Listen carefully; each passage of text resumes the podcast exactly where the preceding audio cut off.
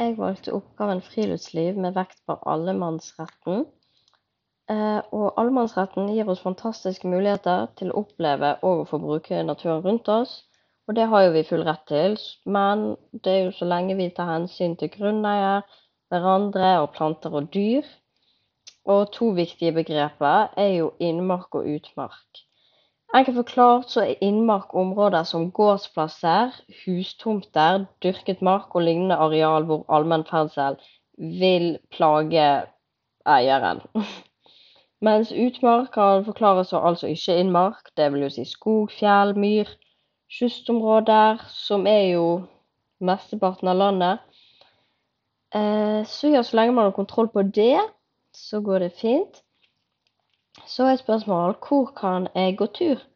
Og du kan gå fritt hvor du vil i utmark, så lenge det skjer på en hensynsfull måte.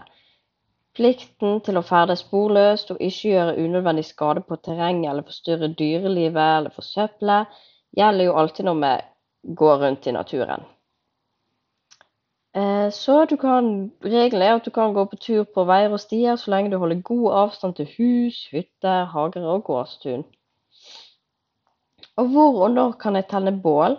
Og du har generelt ikke lov til å tenne bål eh, i nærheten av skogmark i perioden 15.4 til 15.9. Og hvis det ikke gjøres på en forsvarlig måte, det er ikke engang lov med engangsgrilling i park. Så tenne bål i strandkanten, det er innafor, så lenge du ikke skader underlaget eller lager brannfare.